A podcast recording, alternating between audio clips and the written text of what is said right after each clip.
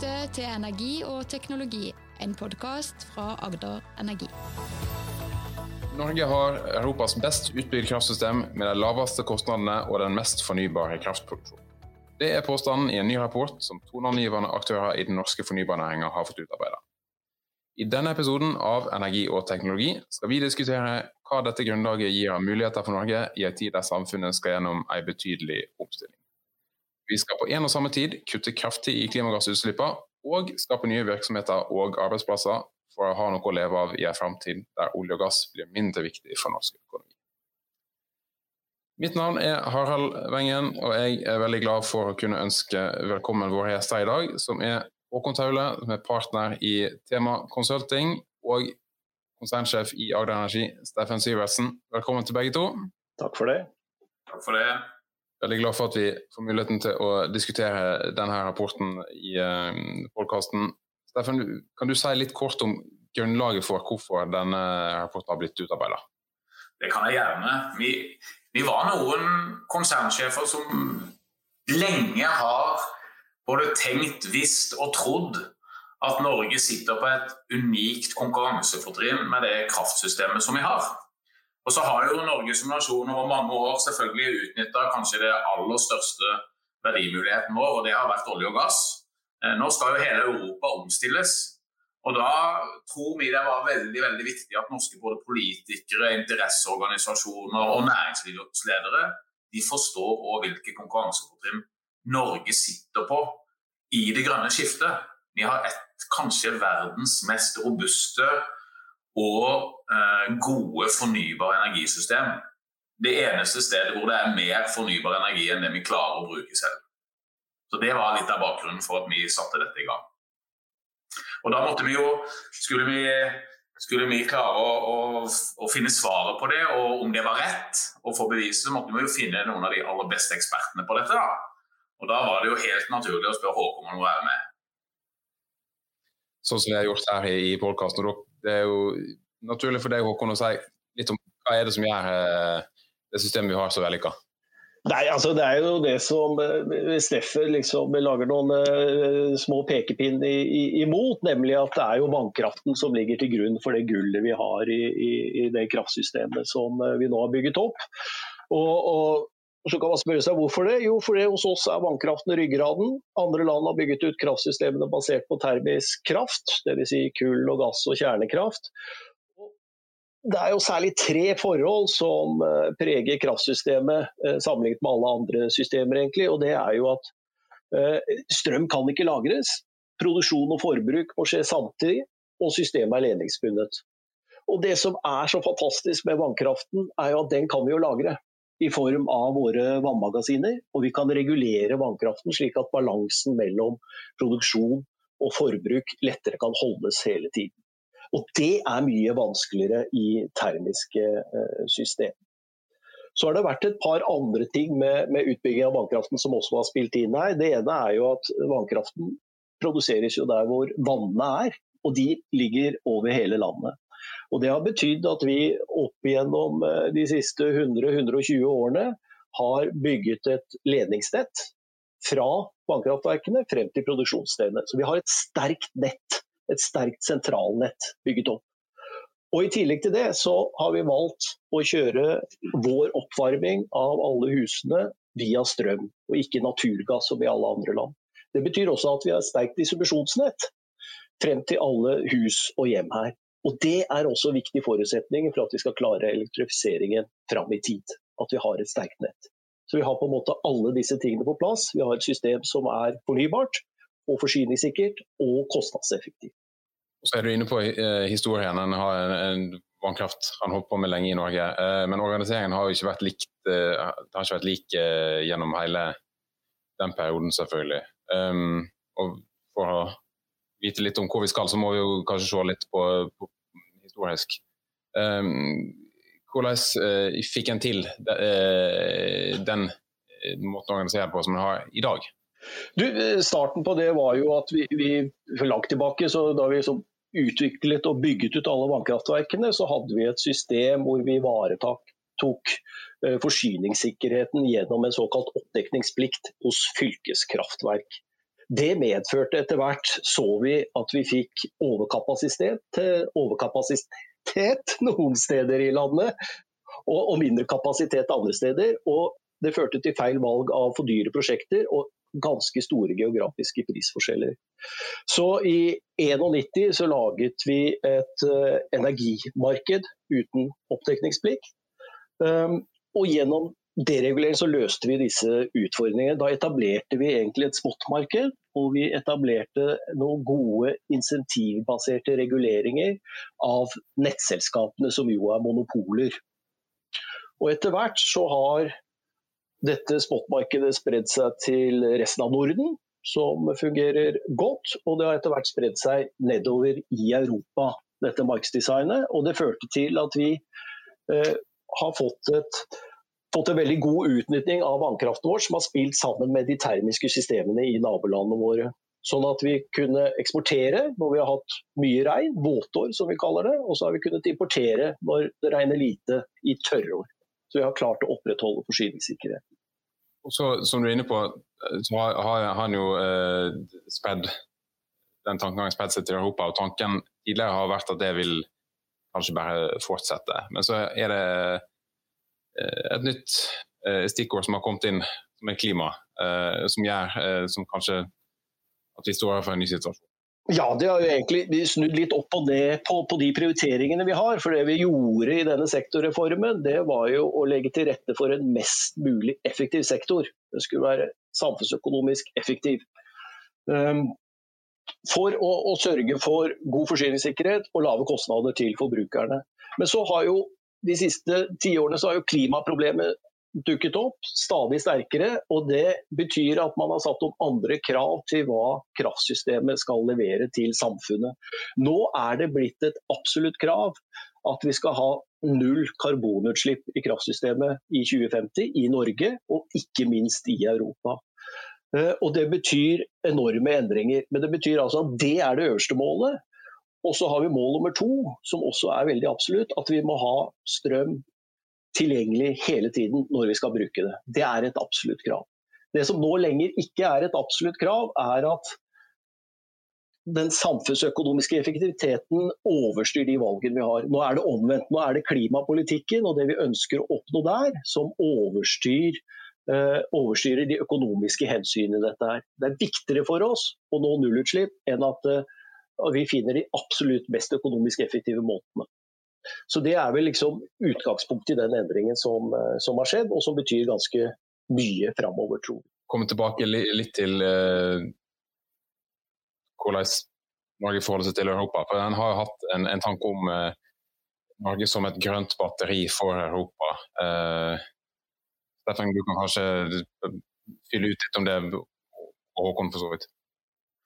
Ja, jeg tror at vi har vi har jo sett at de europeiske energisystemene endrer seg, og de får mye mer uregulerbar kraftproduksjon. Altså de får vind og sol. Det er en utfordring for dem i alle de timene hvor ikke det blåser eller er sol. Det har jo gjort at vi har trodd at vannkraften vår bør spille en rolle ute for å lykkes med å balansere de systemene. Nå kommer det mye annen type teknologi som kan være med på å løse det. Både digitalisering av nettet, hydrogen, batterier og helt andre ting. I tillegg til det så er det òg blitt et helt nytt fokus på å bygge ny industri i Norge for å sørge for å bygge ny bærekraftig industri som kan ta over for mange av de arbeidsplassene som vi mister på olje og gass. Og norske vannkraften, Hvis vi går enda lenger tilbake i historien enn bare liberalisering av kraftmarkedet, så ble jo den norske vannkraften bygd for å skape ny industri i Norge. Her i Agder var det Sam Eide som starta etableringen av Hydro. Bygde ut ny vannkraft. Han gjorde med internasjonal kapital, men han bygde industrien her hos oss. Nå ligger det en veldig god mulighet i å nettopp bruke kraften her hos oss til å skape ny industri og skape arbeidsplasser. Og Når vi nå ser i dette prosjektet at konkurransefortrinnet vi har nå med det mest robuste, effektive og lave kostnader kraftsystemet som, som finnes i Europa, den Altså Det fortrinnet tror vi faktisk vil øke. Nettopp fordi at Europa de må ha så mye uregulerbar kraft inn at de må da bygge ut veldig mye nytt nett og ny teknologi som kommer til å koste de veldig dyrt. Det trenger vi ikke i samme grad å gjøre her. Vi må gjøre det til dit hvor vi skal ha ny industri. Men det er dette som gjør at vi med det konkurransefortrinnet nå kan bygge ny grønn industri i Norge. Det er nye eksportbedrifter, det er ny verdiskaping for eierne av kraft- og industriselskapene. Og det er ikke minst mange nye arbeidsplasser her hos oss. Vi kan elektrifisere hele landet for å få det til. Håkon, du har sagt allerede at vi har jo elektrifisert hele landet. Eh, men vi kan jo gjøre det på enda flere områder. Og vi kan bygge ny, ny industri på toppen av det. Og vi kan produsere hydrogenet eller batteriene desentralt. Eh, det er òg en veldig sterk politisk trend. Vi er på vei mot et stortingsvalg. Og Det er ikke noe tvil om at det blir mye diskusjon om by og land i det valget som vi skal til høsten. Og Er det noe som er bra med kraftbransjen, og der vi har vannkraften vår, der vi har det sterke nettet, så er det jo at det er overalt. Vi kan bygge nye industriarbeidsplasser mange steder i landet der hvor det er behov for det.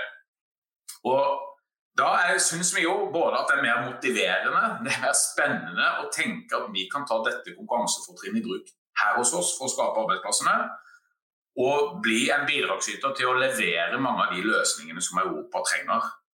Og nå, eh, det er jo, det er jo nesten, altså Jeg syns det er gøy å åpne Dagens Næringsliv hver eneste dag. Det er jo et nytt initiativ på hydrogen eller batterier eller noen andre hver eneste dag.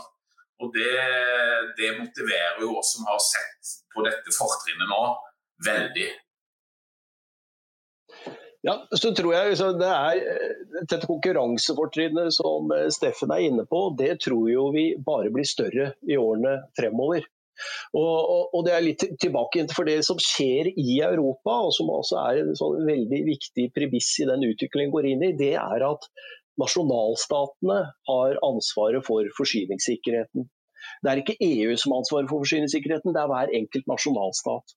Og Det betyr at når du bygger opp systemet ditt så dramatisk som man er i ferd med å gjøre, og ta ut det du kan kalle fastkraft i form av termiske kraftverker, og dytter inn med ureglerbar fornybar energi, så vil du som ansvarlig myndighet naturligvis være usikker på om du klarer å opprettholde den forsyningssikkerheten til innbyggerne du skal.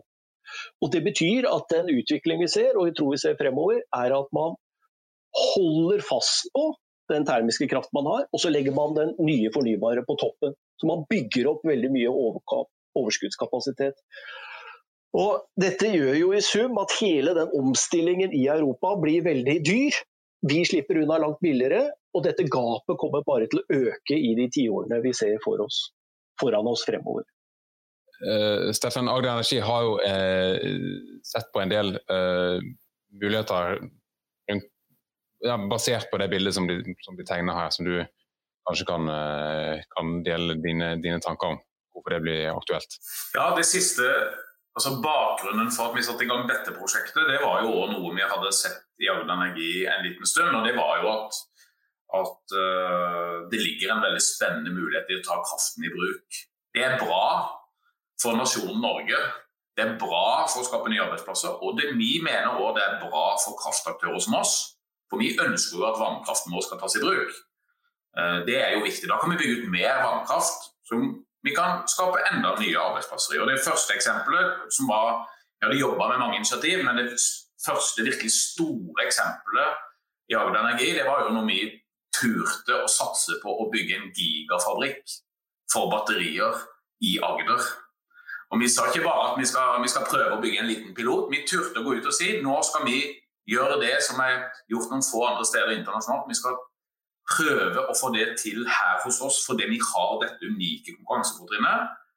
Og vi så at i Agder så gjelder kanskje dette enda sterkere enn mange andre steder. Nettopp fordi vi har den historien om industribygging for 100 år siden. Da ble sentralnettene på noen få steder i Agder bygd veldig sterke for å bygge ny, stor kraftintensiv industri. Og Nå er det Elkem og Glencore og andre som har sånne fabrikker her hos oss. Så Da etablerte vi Morrow Batteries. Vi så at uh, Agder Energi som kraftselskap og med den eierstrukturen vi har, vi har ikke kapitalen som skal til for å bygge en fabrikk til 20 milliarder. Vi må samarbeide med noen andre. Så vi lette etter det vi tenkte var skal du kalle det kapitalister som eh, hadde samme ønske om å skape industriarbeidsplasser og være med på en sånn reise. og det ble Bjørn Rune Gjelsted. Han hadde jobba tett sammen med Bellona i, i, en årrekke og hadde et hjerte for å utvikle ny batteriteknologi. Og den fabrikken tror vi altså kan gi 2500 arbeidsplasser. Og her i Agder så finnes det ikke noen bedrifter lenger nesten som har 2500 arbeidsplasser. Så det er klart det ble en stor satsing. Det som skjedde, og som kanskje var overraskende for oss, det var jo at det ble en veldig stor entusiasme rundt det. Og det vi gjorde da for å, for å finne den beste lokasjonen, det var at vi rett og slett arrangerte en konkurranse mellom kommunene på Agder for å finne det aller beste stedet. For vi er jo eid bl.a. av alle kommunene i Agder, så det var jo vanskelig for oss å bare peke på et sted. Det var viktig for oss at det ble gjort en objektiv, god prosess. Og nå har Arendal vunnet den kampen, for de har uten tvil det beste området for å bygge en batterifabrikk. Det er et stort område, stort landområde, rett ved E18, veldig kort vei til havn, rett ved sentralnettet, god tilgang på vei, og i tillegg god tilgang på og mulighet for kjøling, som er veldig viktig. Og vi er jo nært kontinentet, så det er jo nå Norge gått til rette for. Og den jobben som mange kommuner på Agder har gjort for å legge til rette for ny bærekraftig industri, det tror jo vi vil svare seg veldig for mange.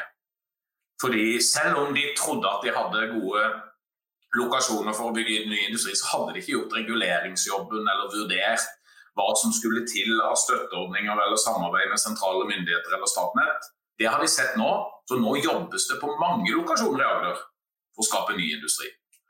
Så det motiverer oss jo veldig. Og jeg er stolt og glad for det vi har fått til. Og nå blir det jo veldig Vi har ikke alle penger til å bygge den ennå, og vi har det ikke. Så nå blir det jo veldig spennende da, å, å, å, gå inn i den fasen, i de i første fasen. Vi skal ikke bare bygge en batterifabrikk. Vi skal bygge en en helt sirkulær verdikjede for å håndtere batterier. Vi har et eget selskap som jobber med resirkulering av batterier, som heter Ecostore. Å sette opp batteriparker både i Norge og andre steder. Vi har et selskap som skal jobbe med å resirkulere avfallet som kommer fra batteriproduksjonen. Og vi ønsker å bygge opp et stort industrialiseringssenter i, med utgangspunkt i Agder, som kan gjøre at mange andre bedrifter vil etablere seg her. Nettopp for å både levere teknologi og utvikle den sammen med Morrow. Så Det kjennetegner jo kraftbransjen. Det er nytt siste bare året. Vi må samarbeide med andre. Vi har ikke alt som skal til for å lykkes med disse industrisatsingene. Og Et annet eksempel på det er jo at vi nylig signerte en stor samarbeidsavtale med Hightech Vision eh, på andre områder. Så det, det, kan jeg jo gjerne fortelle litt mer om det òg, kanskje. Det er, jo, er et veldig godt eksempel på samarbeid mellom stor risikokapital, som er en del av det, men ikke minst en industribygger. altså Hightech Vision har bygd storskala industribedrifter i olje og gass spesielt, og oljeserviceindustrien i mange år. Det er det største private investeringsfondet i Norge, med store internasjonale investorer de har et sterkt press på seg nå for å investere i stor, ny, bærekraftig industriutvikling. Så når vi lette etter en partner, så måtte jo vi finne den som vi syns passer oss best. Det handler ikke bare om penger, det handler om mye mer. Vi i Agder Energi har fått til noe, men vi, vi, er ikke vant til å bygge store, nye globale bedrifter innenfor havvind eller hydrogen eller andre områder. Det har Hightech gjort. Og Det samarbeidet det er allerede Det første prosjektet er i gang. Vi ønsker å få en konsesjon i Sørlig Nordsjøen 2 på havvind. Det er helt naturlig at et regionalt kraftselskap på sørspissen av Norge, nærmest de nye områdene som regjeringa nå har sagt at skal bygges ut for havvind, de er med på det. For det er ikke bare sånn at vi ønsker å få møller ut i sjøen som skal produsere kraft. Vi ønsker å utvikle industri på land som kan bidra i den utbyggingen. Og Oljeleverandørindustrien på Sørlandet og i Rogaland de har jo masse ulik type kompetanse innenfor globalisering, subsea, supply, som kommer til å trenges for å bygge den ut. Og vi tror vi sitter på mye av den kompetansen som Hightex trenger. På nett, på kraftforvaltning, på håndtering av produksjon. Så der er vi nå i gang. Eh, vi har eh, en avtale sammen med Vårgrønn som er et stort initiativ hvor eh, det store italienske energiselskapet Eni og MS som eier, og kommer til å gjøre det vi kan for å få en av de konsesjonene på Sørlige Nordsjøen 2. Og jeg tror det kommer til å komme mer. Og vi kommer til å samarbeide med Hightech, Gjelsten-systemet og NOA og andre i åra framover. For Det er litt vår utfordring. det er at uh, Vi har en eierstruktur som gjør at vi har ikke kapital som skal til. Men vi sitter på mye av den kompetansen som trengs. Og Så må vi passe på at vi er ydmyke nok til å forstå hvilken kompetanse vi ikke sitter på. For Når vi skal bygge en stor batterifabrikk eksempel, så er det mye kompetanse vi ikke har. Så da må vi hente inn og samarbeide med andre som har gjort det før. Så det er jo veldig spennende. Ja, nei, altså jeg synes jo det, Steffen Agner Energi har jo her vært eh, tidlig ute, som dere ofte er, og, og, og ta tak i noen av de virkelig store tingene vi begynner å, å se nå. Liksom, det å nå kunne bruke det konkurransefortrinnet eh, som vi har i dette kraftsystemet, som vi tror bare blir større og større, til egentlig å reindustrialisere landet. Få bygget ny grønn industri det ser vi jo nå liksom, begynner å, å, bre over seg over hele landet. Altså, det popper opp initiativer om batteriprosjekter, det er hydrogenprosjekter, det er havvind, som Steffen har pekt på, som også er en stor mulighet. Altså, vi har enorme energiressurser ute i havet som vi kan høste av. Ikke bare under havoverflaten, men også nå over. Eh, og på, og på sikt så kan dette bli en stor havindustri som kan bidra til å omstille leverandørindustrien bort fra olje og gass, og bli en kanskje stor ny internasjonal næring for landet. Men det er noe med disse størrelsesordenene som, som, som skjer i denne omstillingen, som, som er litt sånn ja, litt mind-boggling på mange vis. Eh, det svenske gruveselskapet LKAB de har jo tatt en beslutning om at de skal brygge, bruke grønn hydrogen inn i sin produksjon for å, å, redusere utslippene. Da er vi altså målsatt å investere 400 milliarder svenske kroner frem til 2035. Fjerne 35 millioner tonn CO2. For å gjøre det, for å produsere den hydrogenen uh, med elektrolyse fra fornybar kraft, så trenger de 50 TWh. Så dette betyr jo at her ser vi avsporene egentlig til en, en sånn ny vekstperiode både for kraftproduksjon og ikke minst da for en kraftintensiv grønn industri i tiårene som kommer fremover.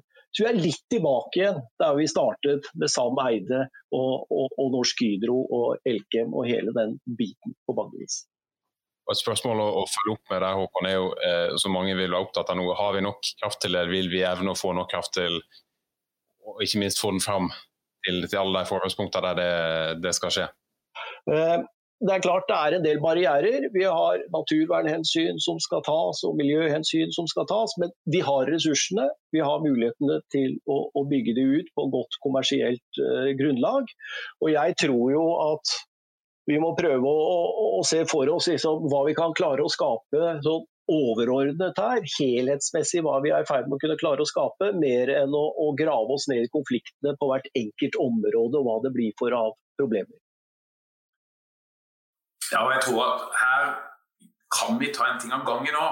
Nå er Det jo, det blir fort fronter nå i, i, mellom de ulike interessegruppene. Om det er industrien imot uh, kraftbransjen fordi vi ønsker høyere priser og de ønsker lavere priser. Men vi har et utgangspunkt nå som vi kan bruke nå. Og det kan vi gjøre først. Vi har for mye kraft i landet vårt allerede. Vi trenger ikke bygge ut noe mer før vi ser at etterspørselen kommer. Eh, og da kommer den til å bli bygd ut. Når etterspørselen kommer og prisen går opp, så blir det mer lønnsomt å bygge nye vannkraftverk. Da blir det lønnsomt å bygge ut vind, spesielt til havs. Jeg tror at de to tingene til sammen kan løse mye. Eh, og så er det en flaskehals, og det er jo at nettet blir sterkt nok der hvor industriproduksjonen kan komme. Og Den flaskehalsen er ikke først og fremst muligheten til å få det til, men det er å få fart nok i det arbeidet. Der har Statnett et særskilt ansvar, sammen med de som regulerer ansvar for de politisk, sammen med oss som eier regionalnett. Vi må bli mye raskere, vi må være ambisiøse, og vi må, jeg tror vi må gjøre ting på en ny måte. Vi bygde ut et vannkraftverk eh, i Indre Agder for en del år siden. og Da trengte vi en stor ny sentralnettstasjon for å få flytta den kraften ut i nettet. Statnett hadde ikke kapasitet til å gjøre det den gangen. Uh, og, og, det ble en for lang prosess, syns vi. Så da gikk vi til Statnett og spurte Kan ikke vi få lov å bygge den trafostasjonen for dere? For den trenger vi for å få bygd ut vannkraften vår.